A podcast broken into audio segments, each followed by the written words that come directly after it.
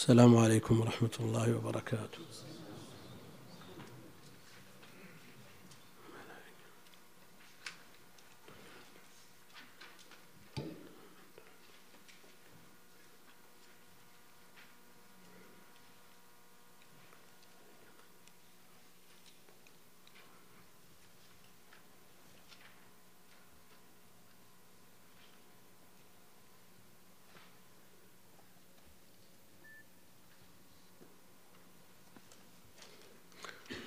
يقول رجل مسبوق بركعة. صلى مع الإمام الظهر وزاد الإمام ركعة خامسة.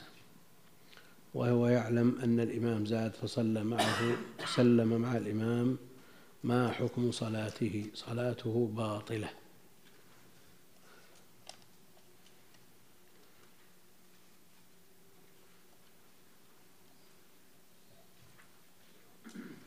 إذا يقول أنا طالب علم متفرغ للعلم الشرعي وقد عرض علي عمل قد يستغرق معظم وقتي وأخشى أن أن يشغلني عن طلب العلم. العلم لا يعدله شيء من أعمال الدنيا كلها ولا تقوم الدنيا في مقابله. العلم الشرعي الذي به تصحيح العبادات وبه معرفة الله بأسمائه وصفاته وآلائه. هذا لا يعدله شيء لكن لا يمنع أن الإنسان يعمل لدنياه ما يقيم به الهدف الذي من أجله خلق وهو تحقيق العبودية. ولا تنسى نصيبك من الدنيا. لكن لا ينصرف بالكلية لا عن العلم ولا عن العمل.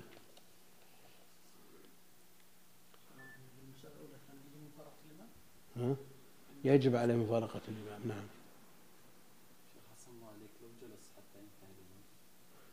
المقصود أنه لمتابعة الإمام على ركعة باطلة لا تجوز تبطل به الصلاة مع العلم بها. لكن لو جلس انتهى الإمام قام جاب الرابعة. يعني من نوى مفارقته؟ إيش تابع عليه. هذا إذا كانت ركعة الإمام صحيح إذا كانت يصلي المغرب خلف من يصلي العشاء وقام الإمام للرابعة بركعة صحيحة ونوى مفارقته وجلس من يصلي من يصلي المغرب حتى انتهى الإمام من هذه الركعة وسلم معه هذا مقبول. أما أن يتابعه في في وقت صلاته في باطلة لا. ينوي الانفراد ويسلم. إذا كان جاهل معلش الحمد لله رب العالمين وصلى الله وسلم وبارك على عبده ورسوله نبينا محمد وعلى آله وصحبه أجمعين. أما بعد فيقول المؤلف رحمه الله تعالى كتاب الصلح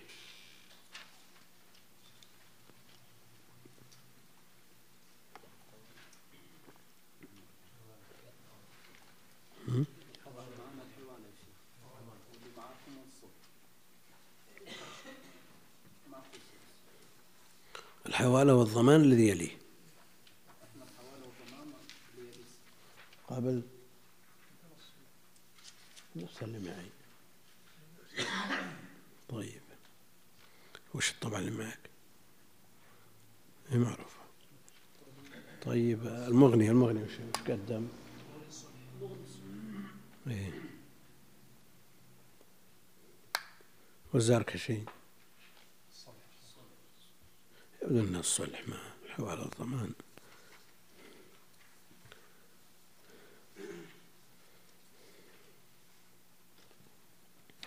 قال رحمه الله والصلح الذي يجوز هو أن يكون للمدعي حق لا يعلمه المدعى عليه. لا يعلمه المدعى عليه. الصلح الذي يجوز هو أن يكون للمدعي حق لا يعلمه المدعى عليه فيصطلحان على بعضه. يقول زيد لعمر في ذمتك لي مئة أو ألف. عمر يقول الله ما, ما أذكر شيئا ما أذكر شيء لكن بدل ما أحلف أو أروح للمحاكم لا بعطيك نصف المبلغ وكف عني. لا يعلمه المدعى عليه. هذا الصلح صحيح. وللمدعي أخذ النصف إذا كان يجزم بدعواه وأنه مستحق لهذا الدين. والمدعى عليه عدم ما يعلم وبذل ما بذل لقاء أن لا يحلف لأن بعض الناس الحمد لله موجود نوع من الناس عنده ورع. لو قيل له احلف على نفي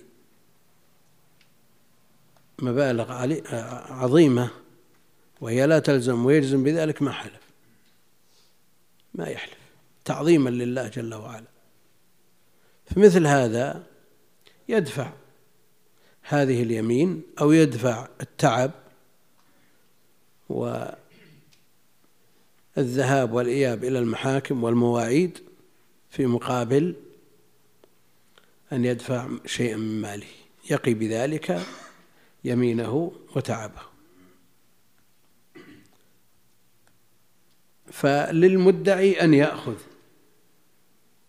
إذا كان ما يدعي به حق وللمدعى عليه أن يدفع ما يراه يقي بذلك يمينه ونفسه. ولا شك أن كثيرا من الناس مستعد أن يدفع إما ورعا وتعظيما لله جل وعلا لئلا يحلف أو طلبا للراحة أو طلبا للراحة. والقاضي شريح جاءه ولده. وقال لي إن لي قال له إن لي خصومة مع آل فلان. فأعرضها عليك. إن كان الحق لي طالبتهم. وإن كان الحق لهم أو ليس لي مثلا تركتهم. فقال أعرض. فعرض عليه فقال الحق لك. الحق لك. أنت محق في دعواك. فأحضرهم عنده هو القاضي. الأب هو القاضي شريح. فحكم عليه. حكم عليه يعني بخلاف الحق؟ لا حكم عليه بحق. قال قال له ابنه لماذا حكمت عليه وأنت تقول الحق لك؟ قال حكمت عليك ولم أبين لك في العرض الأول أخشى أنك إذا عرفت أنه ليس لك حق عليهم أن تصالحهم ولو على جزء يسير. ولو على جزء يسير. تدعي بألف هذا الذي يدعى عليه بألف. إذا قيل له هات مئة ولا نشتيك ولا روح شرط ولا محاكم ولا شيء دفع مئة أو مئتين بعد. يقول صالحتهم ولو على جزء يسير. لكن متى يجوز الأخذ ومتى يجوز الدفع في مثل هذه الصورة؟ أن يكون للمدعي حق. لا يعلمه المدعى عليه فيصطلحان على بعضه.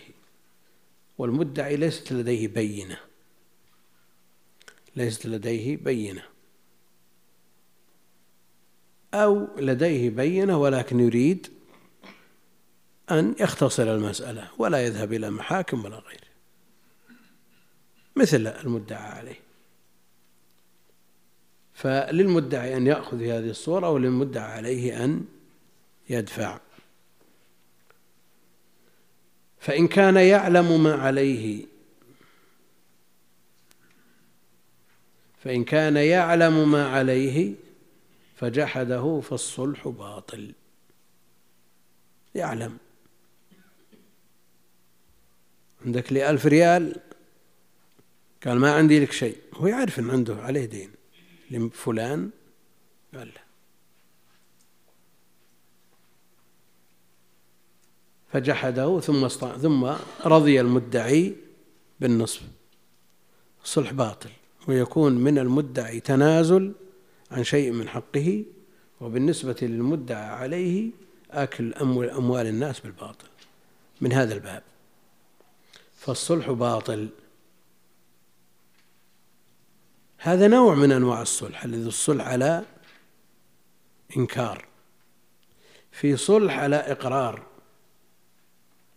وهو النوع الثاني من اعترف بحق؟ اعترف. قال قال المدعي عندك لي ألف. قال الثاني نعم عندي لك ألف. على إقرار. لكن قال والله أنا ما ما عندي شيء. فبدلا من أن ينتظر قال إن أنظرتني إلى ميسرة فحسن وإن لم تنظرني وأردت أن أستدين من أجل سداد دينك فاقنع بنصفه ونعطيك. ويحصل هذا كثير بالنسبة للمعسرين ولمن ماتوا في ذمته ديون. يتولى بعض الناس قضاء ديونه ثم يحضر الدائنين ويفاوضهم على الحط من من من ديونهم. والدائن يرضى ببعض حقه أفضل من أن يفوت عليه كله. قال ومن اعترف بحق فصالح على بعضه لم يكن ذلك صلحا. لم يكن ذلك صلحا لأنه هضم للحق. يعني الدائن الذي له ألف ورضي بخمسمائة هذا تنازل عن بعض حقه. وأما الثاني فلا شك أنه في هذه الصورة آثم. وآكل مثل الصورة التي قبلها صورة الجحد. نعم. أيهم. الصورة الثانية اعترف. يقول عندي لك ألف لكن من معطيك يقول أنا عندي لك ألف لكن ما أنا معطيك هو إذا كان كان موسر في المسألة يعني معروف حكمه. فنظرة إلى ميسرة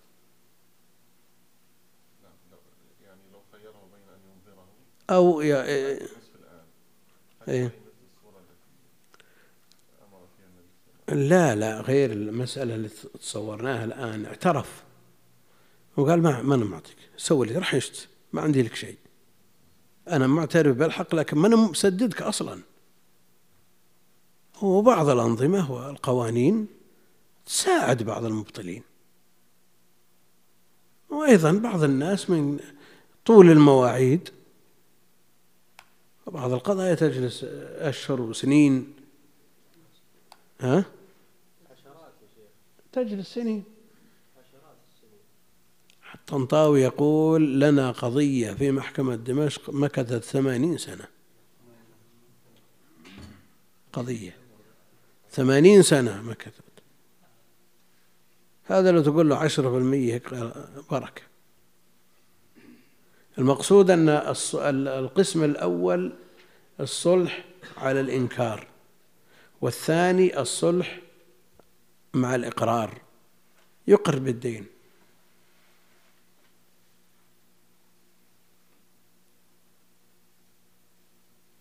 من صور الإنكار أن ينكر لأنه لا يعلم في بذم بذم أن في ذمته شيئا. أو يجزم بأنه ليس بذمته شيء.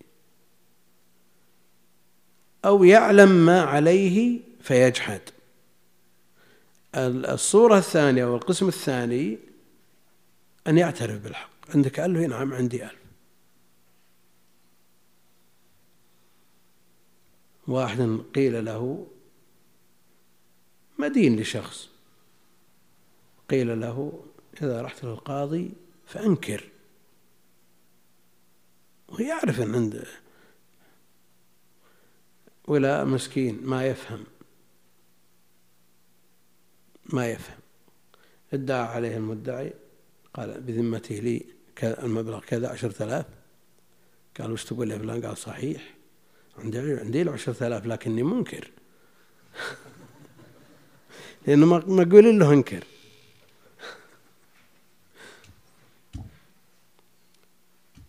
هذا اعترف بالحق فصالح على بعضه فالمدعي فدى نفسه وفدى تعبه. بشيء من ماله هذا ليس ليس بصلح. لأنه هضم للحق تنازل عن بعض حقه والأمر لا يعدوه. والثاني لا شك أنه آثم. إذا ادعى أنه لن يسدده أو قال اصنع ما شئت هذا آثم بلا شك إذا كان واجد للسداد. نعم.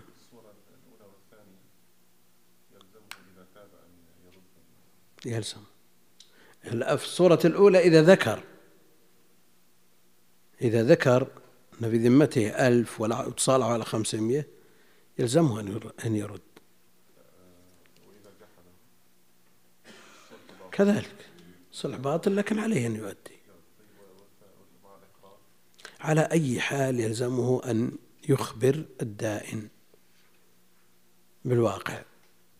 سواء كان ناسي ما في ذمته أو يغلب على ظنه أنه ما في ذمته شيء فصالح على بعضه ثم تذكر. يذهب إلى الدائن يقول أنا في وقت الدعوة والله ما بذهني شيء ناسي المبلغ. واصطلحنا على النصف لكن الآن ذكرت. ذكرت أن عندي لك المبلغ كامل. تريد ولا نمضي الصلح على ما إن أمضاه فالأمر لا يعدوه. وإن أراده فالحكم له. لأن الدائن إنما أعفاه في هذه الصورة. كأنه قال له إن كان إن كنت لا تعلم إن في ذمتك شيء فيكفينا النصب فهو شرط عرفي. مع الإقرار؟ لا لا مع الإقرار إذا كان بالنسبة مع الإقرار كان مع إعسار فقال أنظرني وهو صادق في ذلك فخفض له أو تنازل عن بعضه هذا انتهت المسألة. وإن كان مع الجحد أو أو المماطلة مع المماطلة ويعترف بالمبلغ قال اصنع ما شئت. هذا يلزمه أن يرد. يتوب إلى الله حكمه حكم الغاصب. حكمه حكم الغاصب نعم.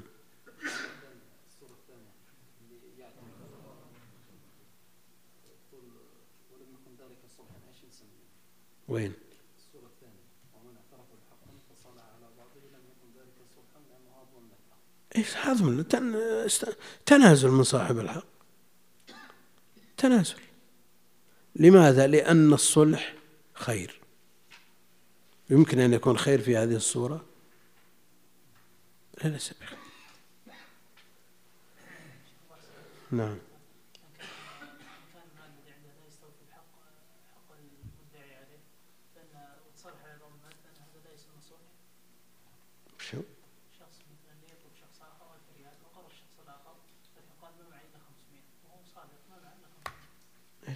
بيقول له هات الخمسين وتبقى الخمسين الثانية.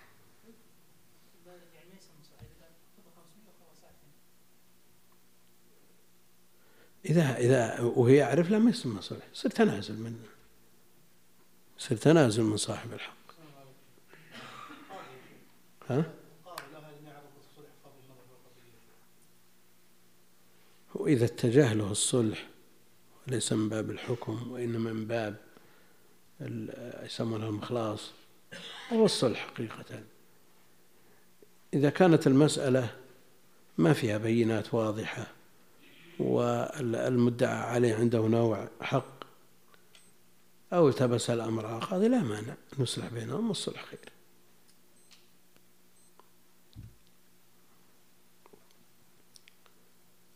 وإذا تداعى نفسان جدارا معقودا ببناء كل واحد منهما تحالفا وكان بينهما. وهذه مسألة يحتاج إليها في كل بيت في جدران مشتركة. جدران مشتركة. جاء زيد إلى مخطط جديد وعمر بيت وأقام أربعة جدران السور. ثم عمر جاره من يمين ومن شماله ومن خلفه من ثلاث الجهات. هذا الجدران لمن؟ للأول. الجدران للأول. اثنان عمرا في وقت واحد. واكتفى بجدار واحد. اكتفيا بجدار واحد. فادعى أحدهما أن كان اللي عمرت الجدار والثاني قال لا أنا اللي عامره. وإذا تقدم أحدهما في العمارة فهذا أمر معروف الجدار لا شك أنه ما مخلين بيته بلا سور. اللي بعمر الأول بقيمة إلا إذا اتفق على شيء قبل أن يعمر الثاني وقال ترى بنصطلح على الجدار بيننا. واتفق على ذلك. وإلا فالغالب أنه للعمر الأول. يقول وإذا تداعى نفسان جدارا معقودا ببناء كل واحد منهما تحالفا. وكان بينهما. إذا دلت القرائن على شيء كان جانبه أقوى. وإذا خلت المسألة من القرائن إذا قال أنا عمرت قبلك والثاني قال لا أنا عمرت قبلك فالجدار لي في مثل هذه الحالة يتحالفان. تحالفا وكان بينهما. لكن في مثل هذه الحالة المفضية إلى النزاع تقييد الأمر بالشهود لا شك أنه يقطع النزاع. إلا إذا كان الإنسان يريد أن يتنازل. الجدار بالفعل هو الذي بناه وقال لن يكون بيني وبين جاري مشكلة فأنا متنازل. لكن يبقى أن العمر مهم مضمون. يخشى أن يموت قبل جاره ثم يتنازع مع الورثة. الورثة يقولون جدارنا. فما مثل أبدا اللي يقطع النزاع الكتابة والشهود يعرف أن هذا الجدار الجنوبي لفلان لأنه عمره قبل أو لفلان لأنه قبل. والجدار الغربي لفلان وهكذا. فالوضوح والتسجيل والشهود شيء هذا يضبط الحقوق. ومع ذلك إذا ضبط بالشهود ثم تنازل عنه هذا فضل منه. وإذا تداعى نفسان جدارا معقودا ببناء كل واحد منهما تحالفا وكان بينهما لأنه ليس أحدهما بأقوى جانب من الثاني.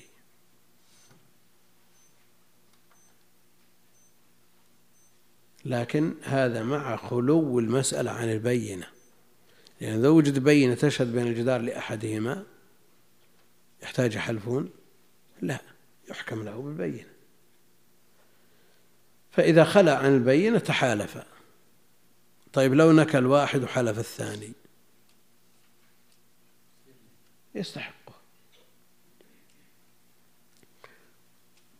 وكذلك إن كان محلولا من بنائهما. محلولا من بنائهما. يعني ليس بمرتبط ببناء زيد ولا بناء الثاني عبيد. ما هو مرتبط. الجدار بينهم ساتر مثل ما يوضع. ساتر بين ها مزارع مثلا. يصير بين المزرعتين جدار كحد. وليس معقودا بالمزرعة هذه ولا بهذه بينهما قال وإن كان وكذلك إن كان محلولا من بنائهما. يعني غير مرتبط ولا معقود. وإن كان معقودا كذلك يعني إيش؟ يتحالفان ويكون بينهما.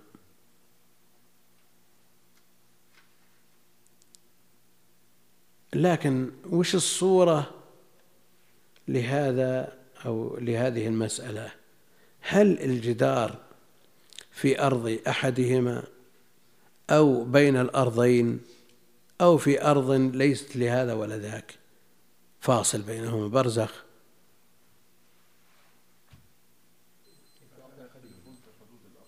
ها؟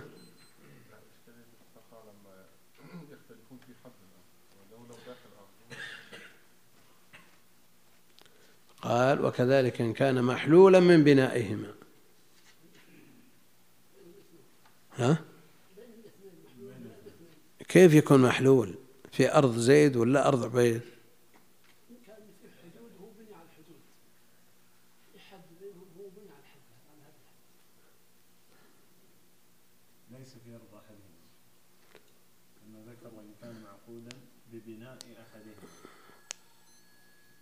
هين إذا معقود ببناء أحدهم معناه مشتبك مربوط. نعم؟ معقود ببناء أحدهما. لكن في هذه الصورة ليس محلول من بنائهما ليس معقودا ببناء أحدهما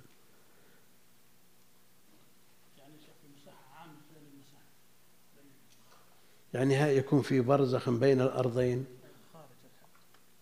برزخ بين الأرضين وشلون يتصور؟ إيه؟ اي نعم في المخيمات واضح في المخيمات واضح تقيم جدار أو تقيم حاجز هو يكون محل آه، الكلام. ليس تابع لهذا المخيم ولا لهذا المخيم. لكن كيف يتصور محلولا من بنائهما؟ من بناء. جدار مفرد لكن بأي أرض واحد منهم ولا في برزخ ولا وش يصير؟ ها؟ هو الأصل أن الحدود ما بينها إلا شيء رقيق اشتريت أرض وأرض جارك بالمخطط هذا رقم 150 وذي 151 وش اللي بينهن؟ بينهن شيء رقيق ما بين إلا أن هذه لفلان وهذه. الحد هو اللي يميز يعني ما بينهن مسافة تتسع للجدار هذا الشيخ يتصور في القرى والمنطقة المخططات العامة الرسمية في القرى يصير بينهم برزخ يتسع لجدار. فعلا المؤلف يتكلم عن عرفه ومكان وقته هم إلى وقت قريب. ما في مشاحة بين الناس. الأمر سهل. الناس كل شيء يكفيهم. بيوت قائمة إلى الآن بالصالحية وغيرها خمسين متر ستين متر. فهذا لو راح عليه شبر ما هو بضارة. لكن الآن مع آه، سعة البيوت الآن جت المشاحات. مع أن المفترض العكس. العكس. واحد أراد يركب له دالوب في غرفة نوم من البيوت الشعبية واضطر أنه يشيل التليس علشان يركب الدالوب من ضيق المكان. لكن الآن يبلشون بالتكييف يبلشون بكل شيء من سعة المحلات. وجدت المشاحات مع هذه السعة فأنا أريد أن نصور إن كان محلولا من بنائهما. يعني مخيمين بينهن جدار واضح. لكن يبقى ملك الأرض لمن؟ اللي عليها الجدار. فقد تكون الاثنين يتفقوا لحظة البناء خلينا نقول الجدار مثلا 30 سم هذا ياخذ من أرضه 15 سم وهذا ياخذ من أرضه 15 شو من الجدار بس يختار طيب. صار هذا مشترك. هذا مشترك بينهم. وكذا إذا إذا وكذلك إن كان مثلاً إذا كان مشترك ويعرفون أنه مشترك ومتقاسمينه ما يحتاج يتحالفون. الحكم واضح. لأن قول وكذلك تعود إلى المسألة السابقة تحالفا وكان بينهما. هذا بينهما من دون تحالف ما اختلفوا. فأنا أقول كيف نصور هذه المسألة؟ هل الجدار في برزخ؟ ها؟ أقول هل الجدار في برزخ؟ وهل يملك جدار في غير ملك أرض. جاء واحد وقام جدار في في فلات. يملكه ولا ما يملكه؟ يصير فيه نوع اختصاص. ما يصير ملك. يصير فيه نوع اختصاص. لكن ملك ما يملكه. وش قال صاحب المغني؟ الشارع وش قال؟ ها؟ شلون؟ بعدين؟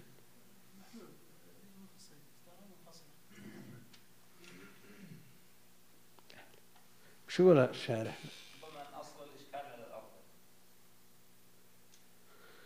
لا هم يرون آه، شو الكلام كله على الجدران.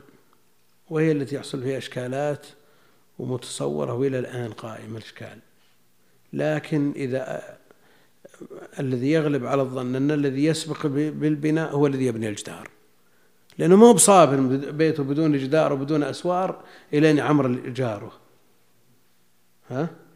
شو؟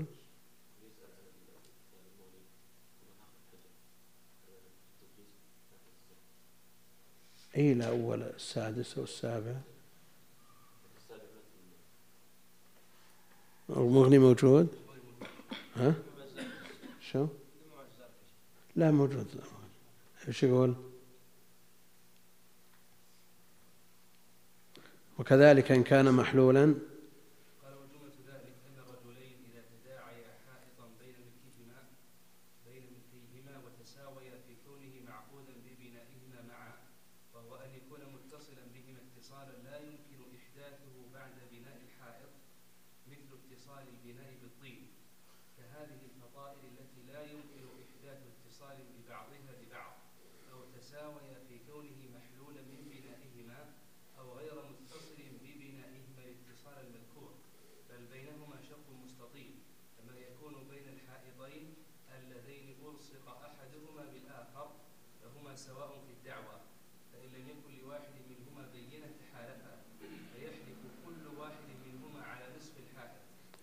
لا مرجح لأحدهما على الآخر لا والثاني ضمنها يعني إن كان كذا أو كذا احتمالين وش بعده؟ قال فيحلف كل واحد منهما على نصف الحائض أنه له ويجعل بينهما نصفين لأن كل واحد لا وشلون يحلف على نصف ويدعي الحائط كامل؟ تداعى نفسان جدارا معقودا ببناء كل واحد منهما إذا كل كل واحد يدعي النصف. ما ما تبي دعوة ذي ولا تحالف. كل واحد يدعي الجدار كامل له. وش يقول المؤلف؟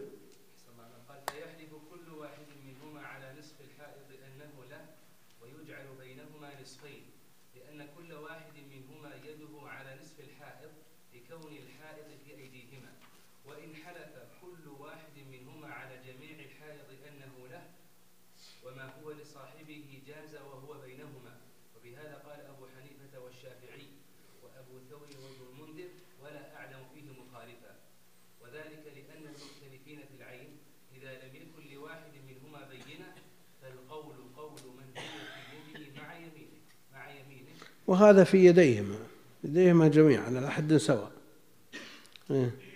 قال فإذا كانت في أيديهما كانت يد كل واحد منهما على نصفها فيكون القول قوله مع, مع فيكون القول قوله في نصفها مع يمينه وإن كان لأحدهما بينة حكم له بها وإن كانت لكل واحد منهما بينة تعارض بينة تعارضتا وصار كمن لا بينة لهما فإن لم يكن لهما بينة ونكل عن اليمين كان الحائط في أيديهما على ما كان وإن حلف أحدهما ونكل الآخر قضي على الناكل فكان الكل للآخر وإن كان الحائط متصلا ببناء أحدهما دون الآخر فهو له مع يمينه هذه المسألة الأخيرة.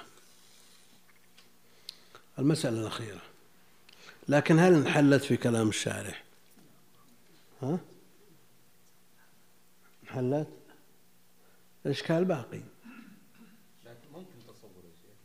إنه إيش؟ ما ذكرت قضية اللي يكون في برزخ اي سنة. قد يكون حدود الأرض قديما يجي من بعد من بعد الجدار وده يقول من بعد الجدار. يكون هذا فاصل. يمكن يكون الجدار قبل البيع الجدار قبل البيع يعني مع التخطيط بدل ما هي مراسم سووا جدران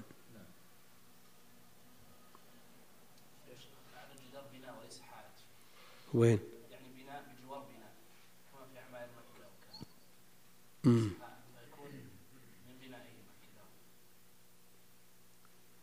لا هو في مثل هذه الحالة كل واحد يقيم جدار ما يمكن يقيم سقف على جدار جاره. البيوت الخشب الأولى كما جاء في الحديث حديث أبي هريرة وغيره أنه لا يمنع من وضع خشب جاره على جداره. يقول وكذلك إن كان محلولا من بنائهما. يعني ما هو مربوط لا ببناء هذا ولا ببناء هذا. وإن كان معقودا ببناء أحدهما كان له مع هذا مفروغ منها المسألة. وين؟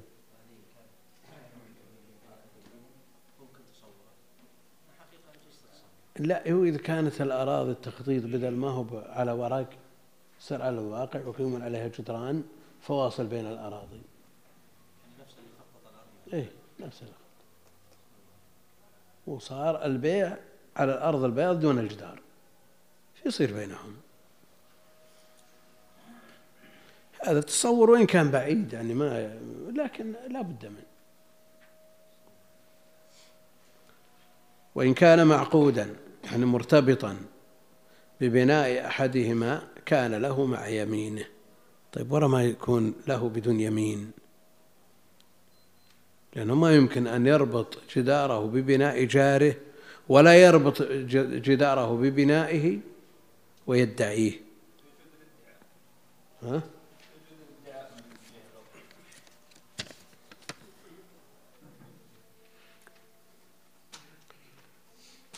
المسألة الأخيرة قال وإن كان معقودا ببناء أحدهما كان له مع يمينه. هل كل دعوة يلتفت إليها وينظر فيها؟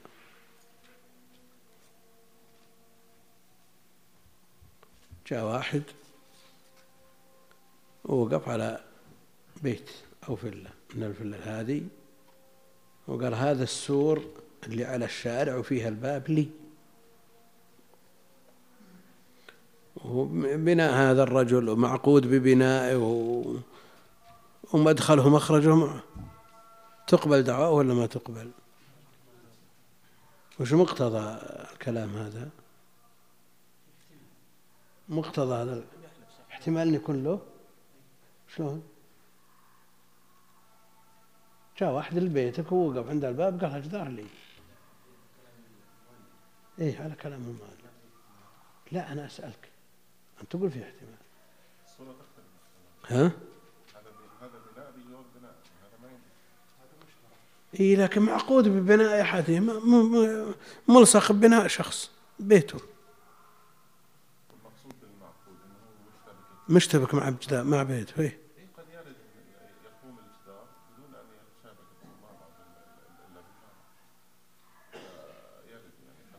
لا لا.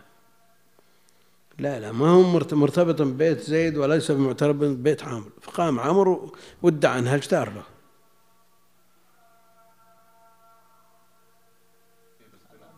أنا الأخ يقول علشان الدعوة.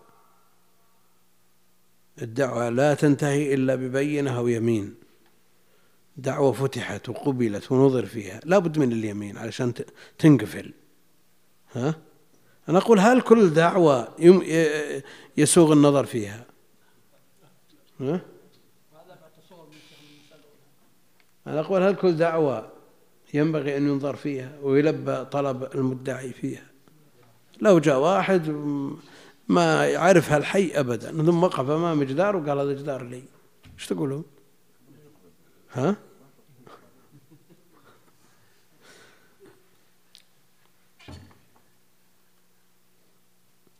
يقول يمكن يصير هالإنسان ورع ولا هو بحالف ونصطلح أنا وياه على شيء. ترى بعض المبطلين الآن يبحثون عن أشياء من هذا النوع. إذا وجد مدخل أي وأي فرصة يقسم ورائه ما عنده ما عنده مشكلة قد يكون متصل هذا الجدار بأرض له يقول أن الجدار هذا خذ المقاس ثم هات لأن الأراضي مقسمة لا اسمع يمكن أن يتصور أن يكون الجدار داخل في أرض الجار وهو اللي بناه. هذا سبق ها؟ هذا سبق بنى بيته ووضع الجدار سور بيته ودخل في أرض فلان. وحينئذ يكون غاصب وليس له شيء. بنى في أرض جاره الجدار بعرض الجدار بس عشرين سنتي. والأرض ليست له. لكن ما هم مدوا لا. هم هذا الجدار هذه الأرض. الفاصل بينهم دخل شوي 20 سم في أرض جاري هذا يحصل عند الخطأ في التطبيق. خطأ في التطبيق يصير. بالعكس حصل ما هو أشد من ذلك. حصل ما هو أعظم من ذلك. بنى أرض جاره وترك أرضه. خطأ في الرقم. أخطأ في الرقم. جاء اللي بين عليه قال ترى هذه أرضك. أو أرسل عامل من عماله قال طبق له الأرض وطبق له أرض ما هي فيه. وعمرها أر- عمر أرض وهذا يحصل كثير. كونه يغلط ويعمر أرض الجار كثير هذا وهذا دخل بمقدار عشرين سنتي في أرض الجار. الأرض للجار وتبعا لها الجدار. أما أن يهدمه ويشيل أنقاضه ولا يخليه لصاحب الأرض. وليس لعرق ظالم حق.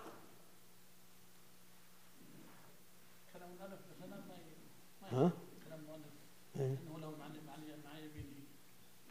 وإن كان معقودا ببناء أحدهما كان له مع يمينه. ها؟ هو مشكلة إذا قلت لوجود الدعوة معناه أننا نقبل كل دعوة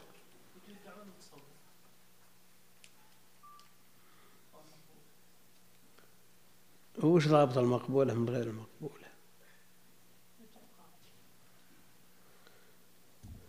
شو هو مو موجود صلى الله عليه وسلم نذر أن يكون هنا معقودا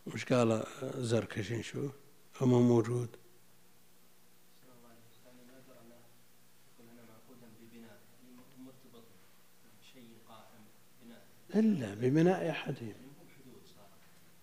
وين؟ لا هذا لما عمر لما عمر الأرض دخل على أرض جاره صار معقود ببنائه. وين معقود ببناء يعني جدار قاعد قام الجدار مع البناء مع الفلة حق بس إنه دخل عشرين سنتي بعرض الجدار على أرض الجار. وحينئذ يكون الجدار تبع الأرض. يصير للآخر اي هذا له مع يمينه انه ما دخل على أرض جاره. اي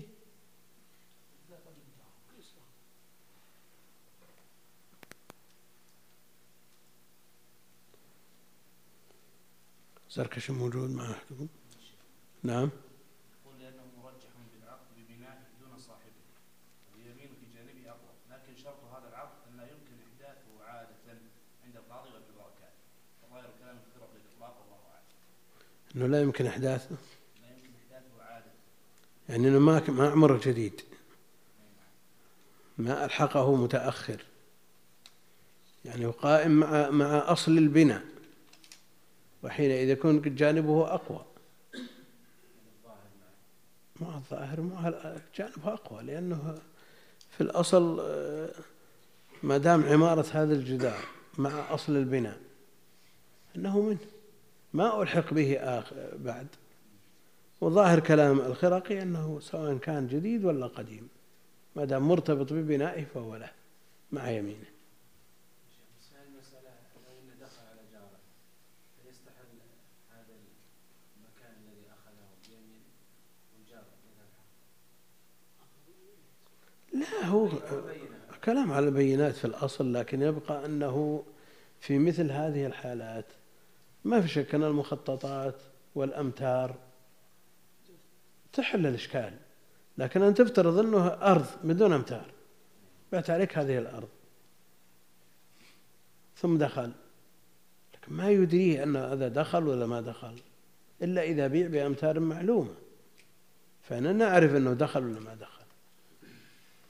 على كل حال مثل هذه الأمور آه، بالنسبة لما يحصل بين الجيران في الخلاف في الجدران متصور وكثير وعليه مشاكل كثيرة.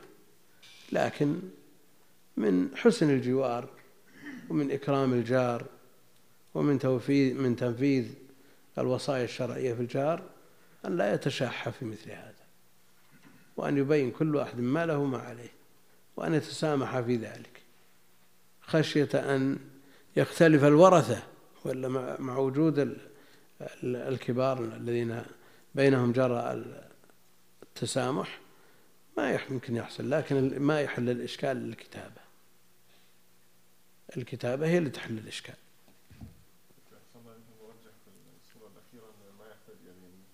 وراه الصورة الأخيرة مرجح بالبينة فقط معقود بالبناء. كان له مع يمين. كلام الخرقي.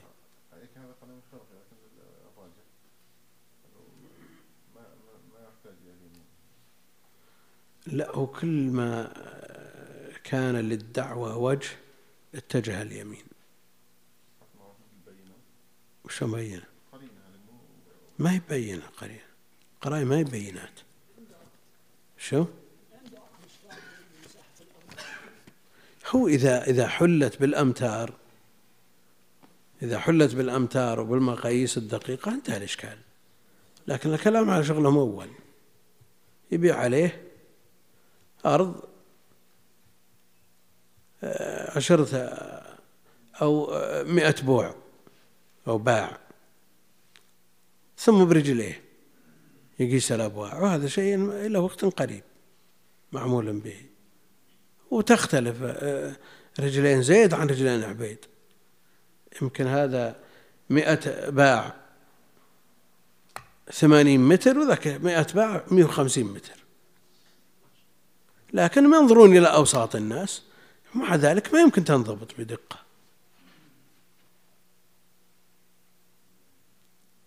مئة ذراع مثلا.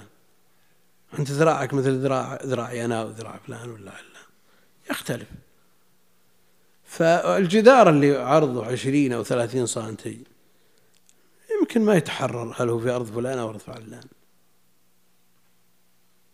لكن الآن جاءت المكاتب الهندسية الدقيقة اللي ما يمكن سنتي واحد يضيع.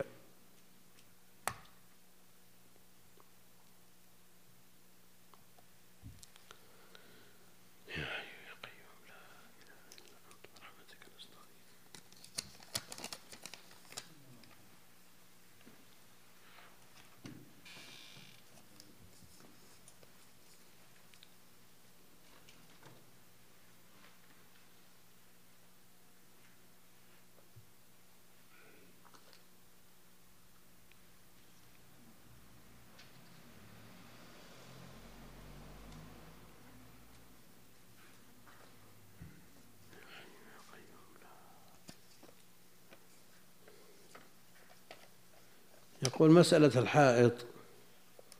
ما وجه ذكرها في كتاب الصلح؟ ما وجه ذكرها في كتاب الصلح؟ لأنه يكثر في النزاع المتعلق بالجدران الصلح لتعذر الحكم القطعي فيها. لأنها بنايات قائمة وقد يكون لها عشرات السنين وذهب من يعرفها ويشهد عليها وأدركها وقت بنائها فمثل هذه ما لها حل إلا الصلح. ولذلك أدرجت في كتاب الصلح.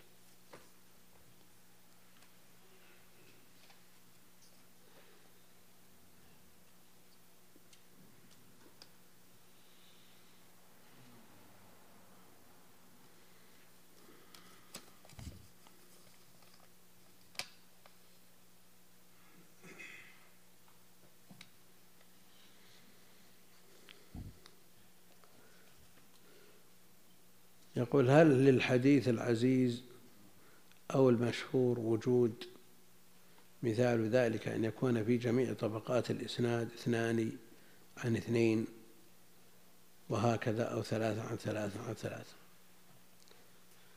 ابن حبان أنكر أن يكون العزيز موجودا.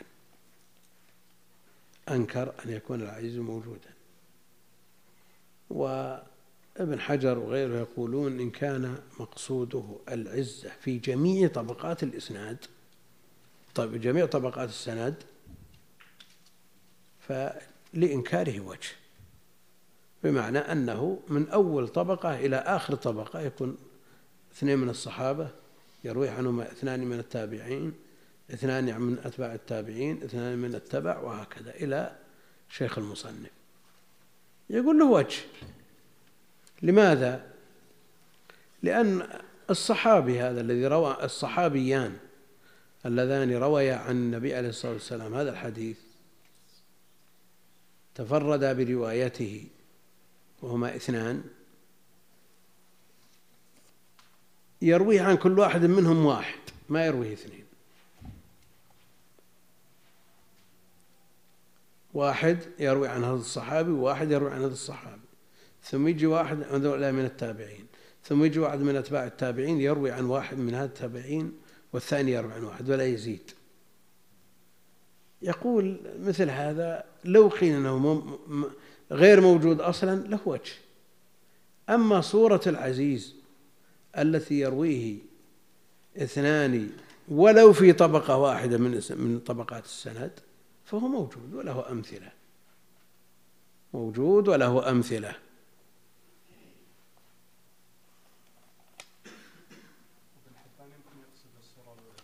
اي لا ما بعيد. يقول إن كان يقصد هذا فكلامه له وجه. وان كان يقصد انتفاء العزيز من أصله على الحد الذي قرره أهل العلم ومثلوا له بحديث إن الله لا يقبض العلم انتزاعا ينتزعه من صدور الرجال. قالوا عزيز. شو الفتح ابو عبد الله؟ الأول. ما يمكن. يمكن عنده أحاديث يروي بهذه الطريقة.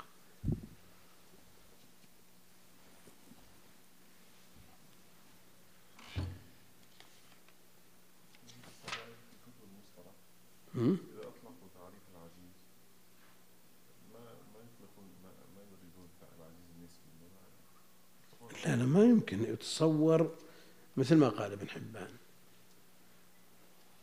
يتصور آه عزيز بجميع طبقات السند.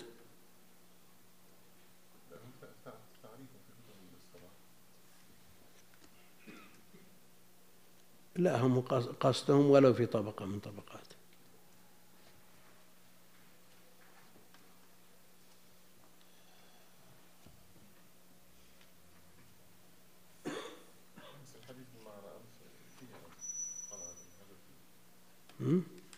حديث المعنى أمس فيه نفس الصورة إيه موجود موجود يعني وجود كثرة ما هو وجود يعني ندرة. موجود يعني في طبقة من طبقاته لا يرويه إلا اثنان كما أنه قد يوجد في طبقة من طبقاته يكون مداره على واحد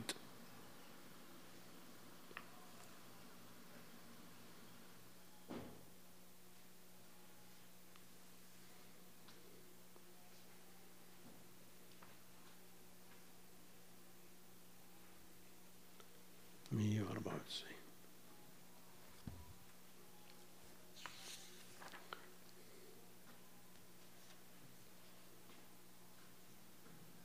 إن الله حديث أنس حديث عبد الله بن عمرو. قال سمعت رسول الله صلى الله عليه وسلم يقول إن الله لا يقبض العلم انتزاعا.